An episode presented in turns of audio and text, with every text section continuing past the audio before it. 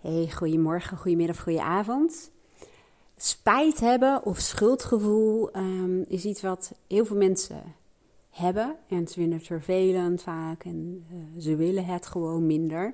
Maar het kan ook heel erg functioneel zijn in die zin um, dat je ernaar gaat luisteren. Hè? Want schuldgevoel um, is er over het algemeen niet zomaar. Alleen op zichzelf als het er elke keer is en um, je luistert er niet echt naar, je handelt er niet echt naar, dan is het natuurlijk niet functioneel, dan heb je er alleen maar last van. Maar ik zou zelf zeggen dat het soms ook heel erg um, slim kan zijn om bijvoorbeeld gevoelens van spijt even heel bewust op te wekken. En wat bedoel ik daarmee? Uh, mee? um, in de coaching, tenminste in mijn opleiding, uh, leerde ik heel erg uh, om op twee bronnen van motivatie in te zetten om mensen in beweging te krijgen. En dan koppel ik daar zo meteen wel eventjes um, spijt uh, aan, aan toe, zeg maar. Of hoe zeg je dat? Nou ja, je snapt wel wat ik bedoel. Maar in elk geval, um, daar leerde ik heel erg om bijvoorbeeld um, de urgentie bij iemand te vergroten. Hè? Want urgentie, noodzaak, ergens heel erg last van hebben dat is een motivatiebron. Dat zorgt ervoor dat mensen letterlijk en figuurlijk in beweging komen. Dat ze stappen zetten, beslissingen nemen. Of überhaupt nadenken uh, daarover. Maar vooral ook handelen daarna. Dus door iemand een beetje meer pijn te doen. Door samen te verkennen. Ja, wat zijn alle nadelen van de situatie waarin je nu zit? En wat gebeurt er als je niets doet? Hoe ziet dan je leven er over een paar weken uit? Of over een paar maanden? En welke andere beperkingen en problemen heb je hierdoor? Dus eigenlijk ga je heel erg met iemand uh, kijken naar de kosten van een bepaalde situatie. Nou moet ik zeggen dat ik zelf veel meer stuur, waar mogelijk. Hè? Um, en dat heeft te maken met het type mensen dat ik coach. Het profiel van de mensen. Die zijn allemaal gericht op groei, ontwikkeling. Um, op het moment dat ze wat dan ook met mij gaan doen. Of dat nou een online programma is, of een masterclass, of een... Um, coach-traject uh, of een uh, gesprek. Er is commitment, er is motivatie. Dus dan hoef ik eigenlijk nooit te sturen. Hè. Soms kan het wel even helpen om, om samen daar even naar te kijken, maar hoef ik niet per se te sturen op die urgentie of noodzaak. Um, maar meer op verlangen. Dat is de volgende motivatiebron.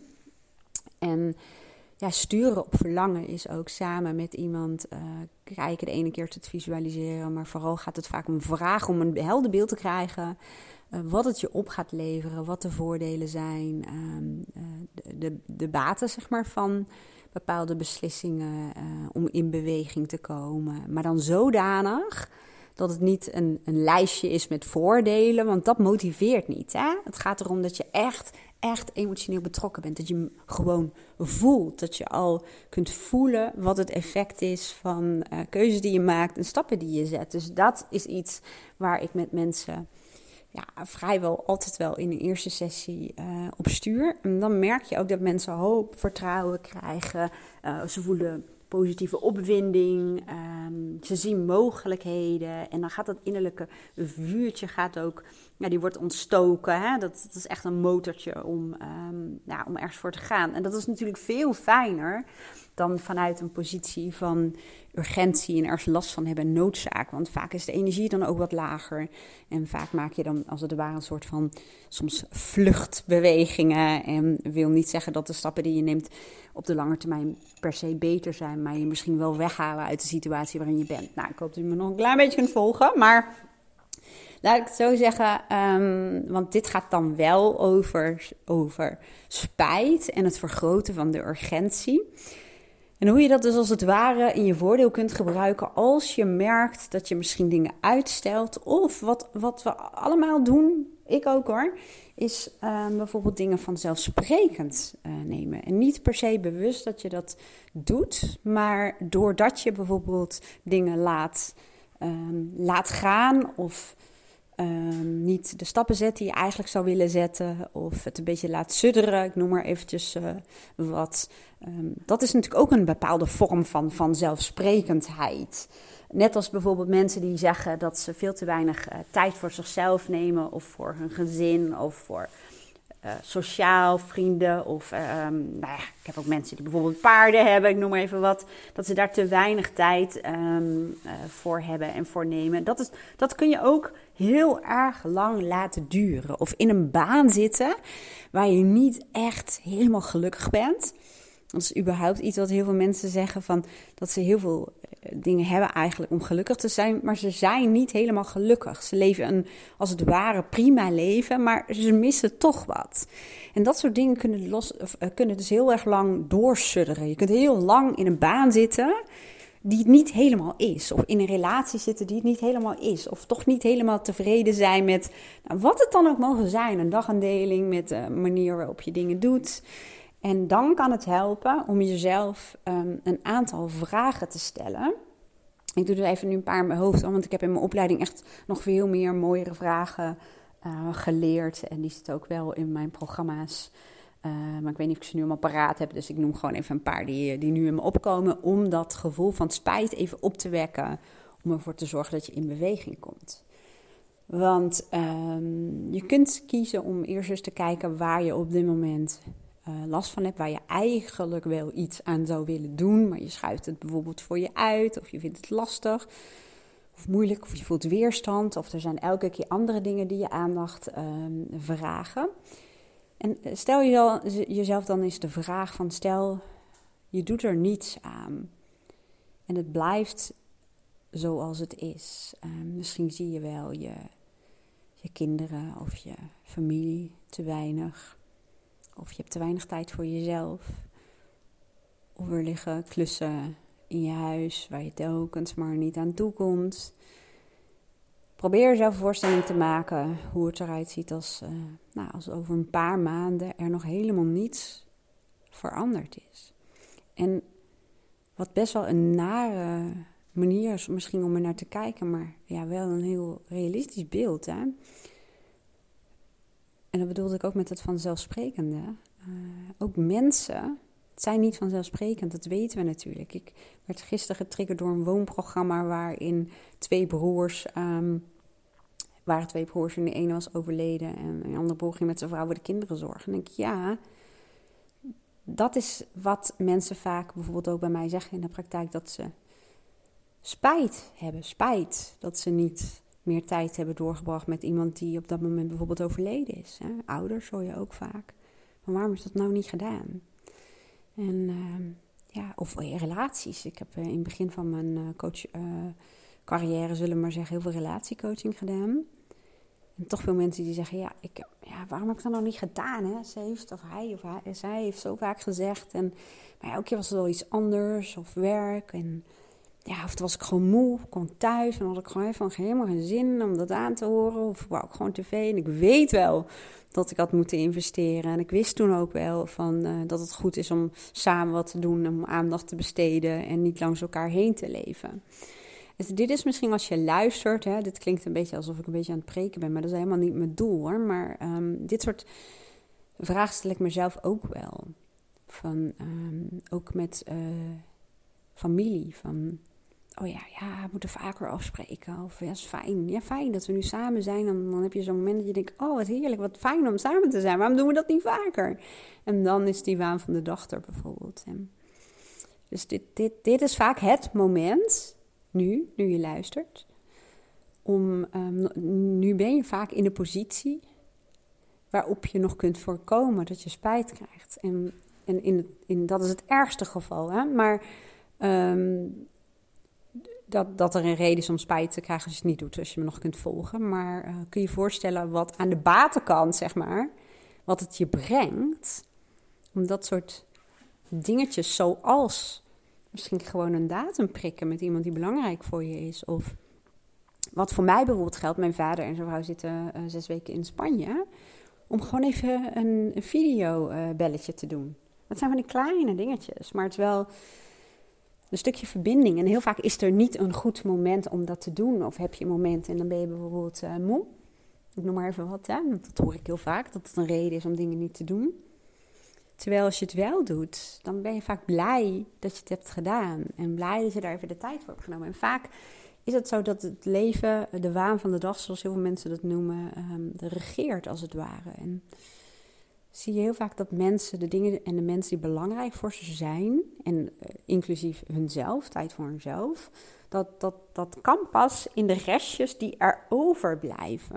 En dat zie ik vaak in de coachtrajecten en in de online programma's. En vooral nu een halfjaarprogramma wat ik met Rachel van Mindshifters doe.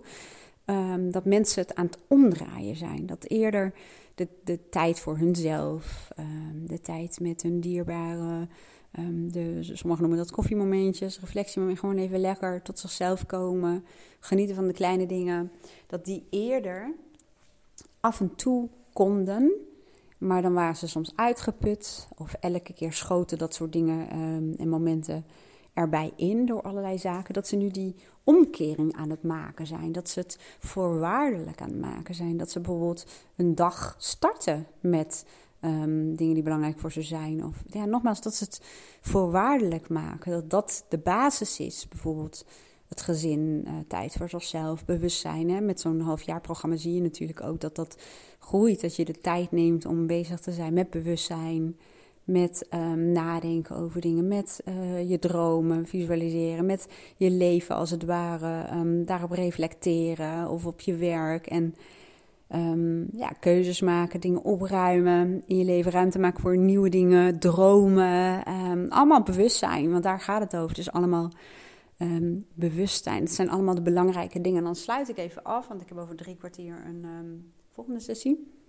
En ik wil het gewoon even lekker relaxed daarin gaan. Dat is ook een voorwaarde overigens. Hè? Want dat is ook iets van, dat moet je ook creëren. Ja, je moet helemaal niks. Maar eventjes de, de, de, de time management matrix. Ik weet niet hoe het ding precies heet. Maar hij schijnt van uh, origine van Eisenhower te zijn. En Stephen Covey die heeft heel veel um, les gegeven over deze time management matrix. En die wil ik nog even met je delen. Want misschien dat ik hem dan nog even iets concreter maak dan wat ik hier daarvoor heb um, verteld. Um, nou, dat, stel je voor dat er een vierkant is. En daar uh, zet je een verticale en horizontale streep in. Dus dan heb je een vierkant met vier vakjes. Lange weg om dat te zeggen, maar je snapt wat ik bedoel. En dus vier vakken. En het eerste vak, dat is het vak waar uh, de uh, zaken en taken en activiteiten in zitten die urgent zijn en belangrijk. Je kunt ook zeggen dringend en belangrijk. En uh, dat kunnen um, dingen zijn zoals bijvoorbeeld een, um, een Microsoft, wat, wat me zeer onwaarschijnlijk lijkt. Dat is misschien het meest domme voorbeeld wat ik me kan bedenken. Maar ik ga nog even door op het voorbeeld. Maar Microsoft, waarbij, weet ik veel, er is geen hoofdserver. Maar eh, laten we even doen dat die uitvalt. En uh, er zijn storingen. Ik noem maar even wat. Hè? Nou, dat is toch echt wel een typisch vak 1 uh, eh, activiteit. Het is dringend en het is belangrijk. Moet meteen opgelost worden. En veel mensen zullen hun werk laten vallen om te zorgen dat dit gewoon opgelost wordt. De prio 1, zoals we dat vaak zeggen ook. Bijvoorbeeld, uh, ik heb heel veel in webontwikkeling en systeembeheer gezeten. Een prio 1. Nou, dat. Um, en als je je schuur in de fik staat of zo, nou, dan zeg je ook niet, ja, sorry, maar moet nog even een mailtje afmaken. Nee, dan, hè? Oké. Nou, vak 2, dat is het vak waar um, eigenlijk staat: het is niet dringend, maar het is wel belangrijk. En ik noem het vaak het bewustzijnsvak. Dit is de tijd die je neemt om bewust te leven, bewust na te denken. Um, ja, bezig te zijn met een visie. Klinkt een beetje als een containerbegrip, maar wel nadenken over keuzes die je wil maken, over de toekomst, over um, ja, nadenken, vooral bewuste keuzes maken, maar ook relaties. Ik heb het ook over relaties gehad. Eh, investeren in relaties en zijn met de mensen met wie je graag bent. En investeren klinkt een beetje alsof het iets op moet leveren. Maar um, ja, relaties, gewoon de tijd nemen. En daarom noem ik het dan denk ik toch wel ook wel investeren voor de mensen waar je van houdt. Maar dat kan ook zakelijk zijn, hè? De tijd nemen om mensen uh, te spreken of te bezoeken waar je graag mee samenwerkt. Of um, waar je de samenwerking juist goed mee wil houden. Of uh, ja, ik noem maar even wat. Of collega's waar je gewoon uh, ja, graag mee samenwerkt. Uh, dus relaties zit ook in dat vak. Maar ook bijvoorbeeld um, ja, sporten, tijd voor jezelf. Even je brein laten fladderen. Wandelen, dat zijn allemaal dingen die, eh, die in vak 2 zitten. En de pest is dat ze door 1, 3 en 4 worden verdrongen. Ik zal 3 en 4 ook nog even introduceren. Nummer 3 is: het is dringend, maar niet belangrijk. dit is wat de meeste mensen de waan van de dag noemen, of ad hoc, hoor ik ook heel vaak. Dit is het vak, als je daar te veel in zit, dan zeg je vaak aan het einde van de dag... Ah, ik ben heel druk geweest met van alles en nog wat. Ehm, maar ik eh, weet eigenlijk niet eens meer waarmee en ik heb niet het gevoel van voldoening. En vaak ben je nou heel druk geweest met uh, niet per se de goede dingen. En vaak ook met de dingen van iemand anders. Hè? Als je geen eigen plan hebt, word je onderdeel van een plan van een ander. En dat eigen plan, dat, dat creëer je in vak 2. Um, ehm, net als als je nergens voor staat, val je overal voor. Ook voor de verzoeken van collega's. Uh, vak 3 is heel erg dat je bijvoorbeeld misschien wel iets van plan bent, maar je opent je mailbox en je bent meteen overroeld. Allerlei dingen moeten. Of um, je wil even naar zolder iets wegbrengen en ondertussen zie je allemaal spinnenwebben. En dat moet in één keer ook, omdat je het hebt gezien. Heel ander voorbeeld, maar is wel echt een, nou, praktijkvoorbeeld.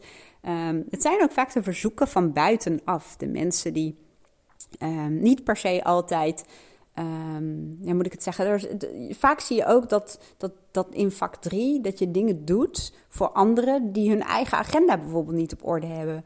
Of die op het laatst met iets komen. Um, of die nog heel graag willen dat je ergens even naar kijkt. Of heb je even tijd om. Uh, heb je dit al gezien? Heb je mijn mail al? Uh, hè? Soms, ik weet, uh, bij het kadas noemen we dat ook wel eens het afvoerputje.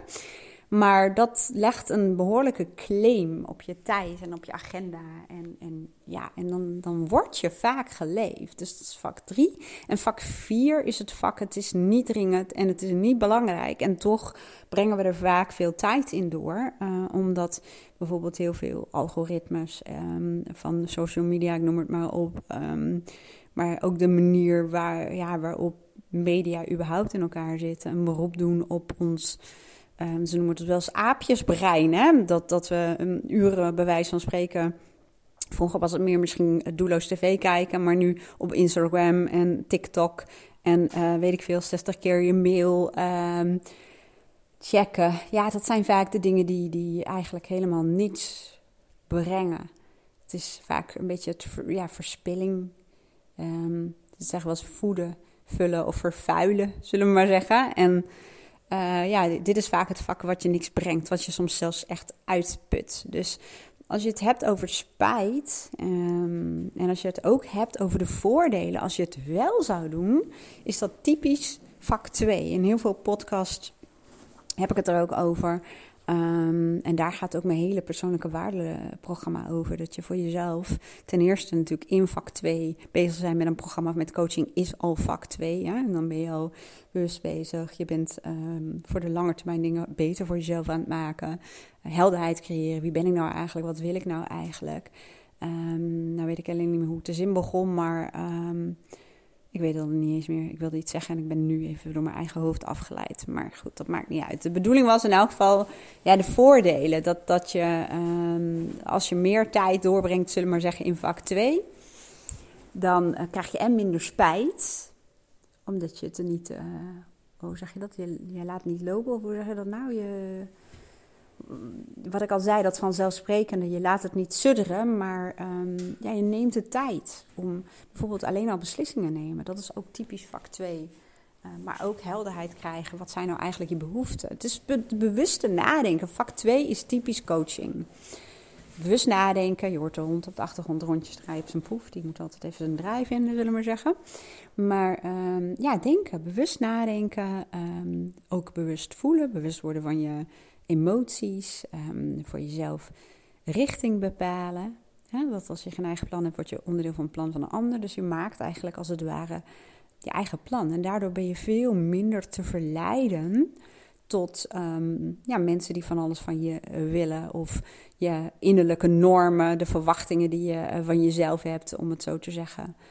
Want anders ga je eigenlijk op de automatische piloot. Nou, even de slotsom van deze podcast. Wat was mijn intentie? Nou, mijn intentie komt eigenlijk gewoon simpelweg voort uit uh, een paar gesprekken die ik deze week had. Um, dat ik dacht, oh ja, dat is echt wel iets om een podcast over op te nemen. Omdat je ziet dat, um, ja, omdat in een aantal gesprekken er naar voren kwam dat er een beslissing genomen moest worden. Um, en ja, dan, dat ik ging sturen op, ja, op de kosten. Wat probeer je maar eens voor te stellen Als je geen beslissing over neemt, geen stappen inzet. Wat, wat gebeurt er? Hoe ziet het er dan uit? Welke andere problemen ervaar je? En ik kan in die zin met vraagstellingen het zodanig doen dat je me ook gaat voelen. Dat je, dat je, dat je hem voelt. Dat je de pijn als het ware al voelt. En dan gaan we samen kijken naar, maar wat? Als je het wel zou doen. En als je wel, al is het een klein stapje. En wat kun, je, wat kun je nu al doen? Dat geeft ook vaak een stukje grip, zoals mensen zeggen. Wat gevoel dat ze nou in het proces zitten om iets ten goede uh, te veranderen. Nou, ik heb het gevoel, als ik even zie op terug. Kijk, je kunt niet terugkijken op een podcast, maar je wat ik bedoel. Denk ik, hmm, was het nou rommelig? Kon je het begrijpen? Maar ik heb al lang geleerd om dat niet voor jou in te vullen. Want ik heb wel eens vaker dat ik denk, nou, ik weet niet of ik wel heel concreet was. En dat iemand zei, nou, ik heb er zoveel uitgehaald. Dus ik ga dat niet voor jou invullen. En um, als je niks vond, dan ga ik ervan uit dat je al niet meer luistert. Dus ik hoop in elk geval, dat is werkelijk mijn intentie, um, dat je er iets aan hebt. En dat je, al zou je maar een momentje voor jezelf nemen om te kijken. Wat zijn dingen in mijn leven die ik doe, um, terwijl ik weet dat ik het niet meer wil doen. Of dat je weet dat je misschien meer tijd wil doorbrengen met jezelf. Of mensen om je heen. Of eh, dingen veranderen in je werk. Ik noem het maar op. Maar wat je wellicht uitstelt. En ehm, ja, wat, wat de nadelen daarvan zijn. En wat het je gaat kosten als je daar niets mee doet. En ehm, ja, mijn advies is dan ook: probeer je dan ook een voorstelling van te maken hoe het zou zijn als je er wel wat aan zou doen. En dan sluit ik toch even af. Ik voel hem gewoon. Het pijnlijke van um, relatiecoaching doe ik alleen nog maar op verzoek, bijvoorbeeld uit mijn eigen netwerk of mijn eigen klantenkring. Maar het staat dus ook niet meer op mijn website. Maar wat ik, me, wat ik heel erg heb geleerd tijdens um, relatiecoaching. En dat zeg ik, ik voel gewoon echt even die pijn ook. Dat er veel mensen waren die zo'n ongelofelijke spijt hadden dat ze hun partner als vanzelfsprekend hebben beschouwd. En de tijd, de gewone dagelijkse dingetjes, de, gewoon het samen zijn, het samen, uh, ja, misschien op pad. Gewoon, het zit hem vaak in de kleine dingen. En uh, de spijt dat iemand dan echt permanent gewoon vertrekt. En ja, ze zeggen ook vaak dat ik dat niet gewaardeerd heb, dat ik daar niet mee bezig omdat je met je hoofd zoveel bij andere dingen zat en vaak in een soort van scheefgroei terechtkomt. Dat hoor ik ook heel veel van, nog steeds, maar vooral in de relatiecoaching. Dat mensen op een gegeven moment een soort van huishouden samen aan het runnen zijn of, of kinderen hebben en het hele partnership kwijt zijn geraakt. Of een wedstrijdje doen wie het meest doet. Of het gevoel dat ze alles alleen moeten doen. Of totaal geen verbinding meer hebben um, met elkaar. En dat is vaak waar mensen ja, veel spijt van krijgen. En, en, ja, dat is gewoon jammer. Nou, ik ga afronden. Dan heb ik nog even lekker uh, de tijd om me voor te bereiden op mijn volgende sessie. Een online deze keer. En uh, nogmaals, ik hoop dat je er wat aan had. Ik wens je een hele mooie dag en heel graag tot de volgende podcast. Doei doei!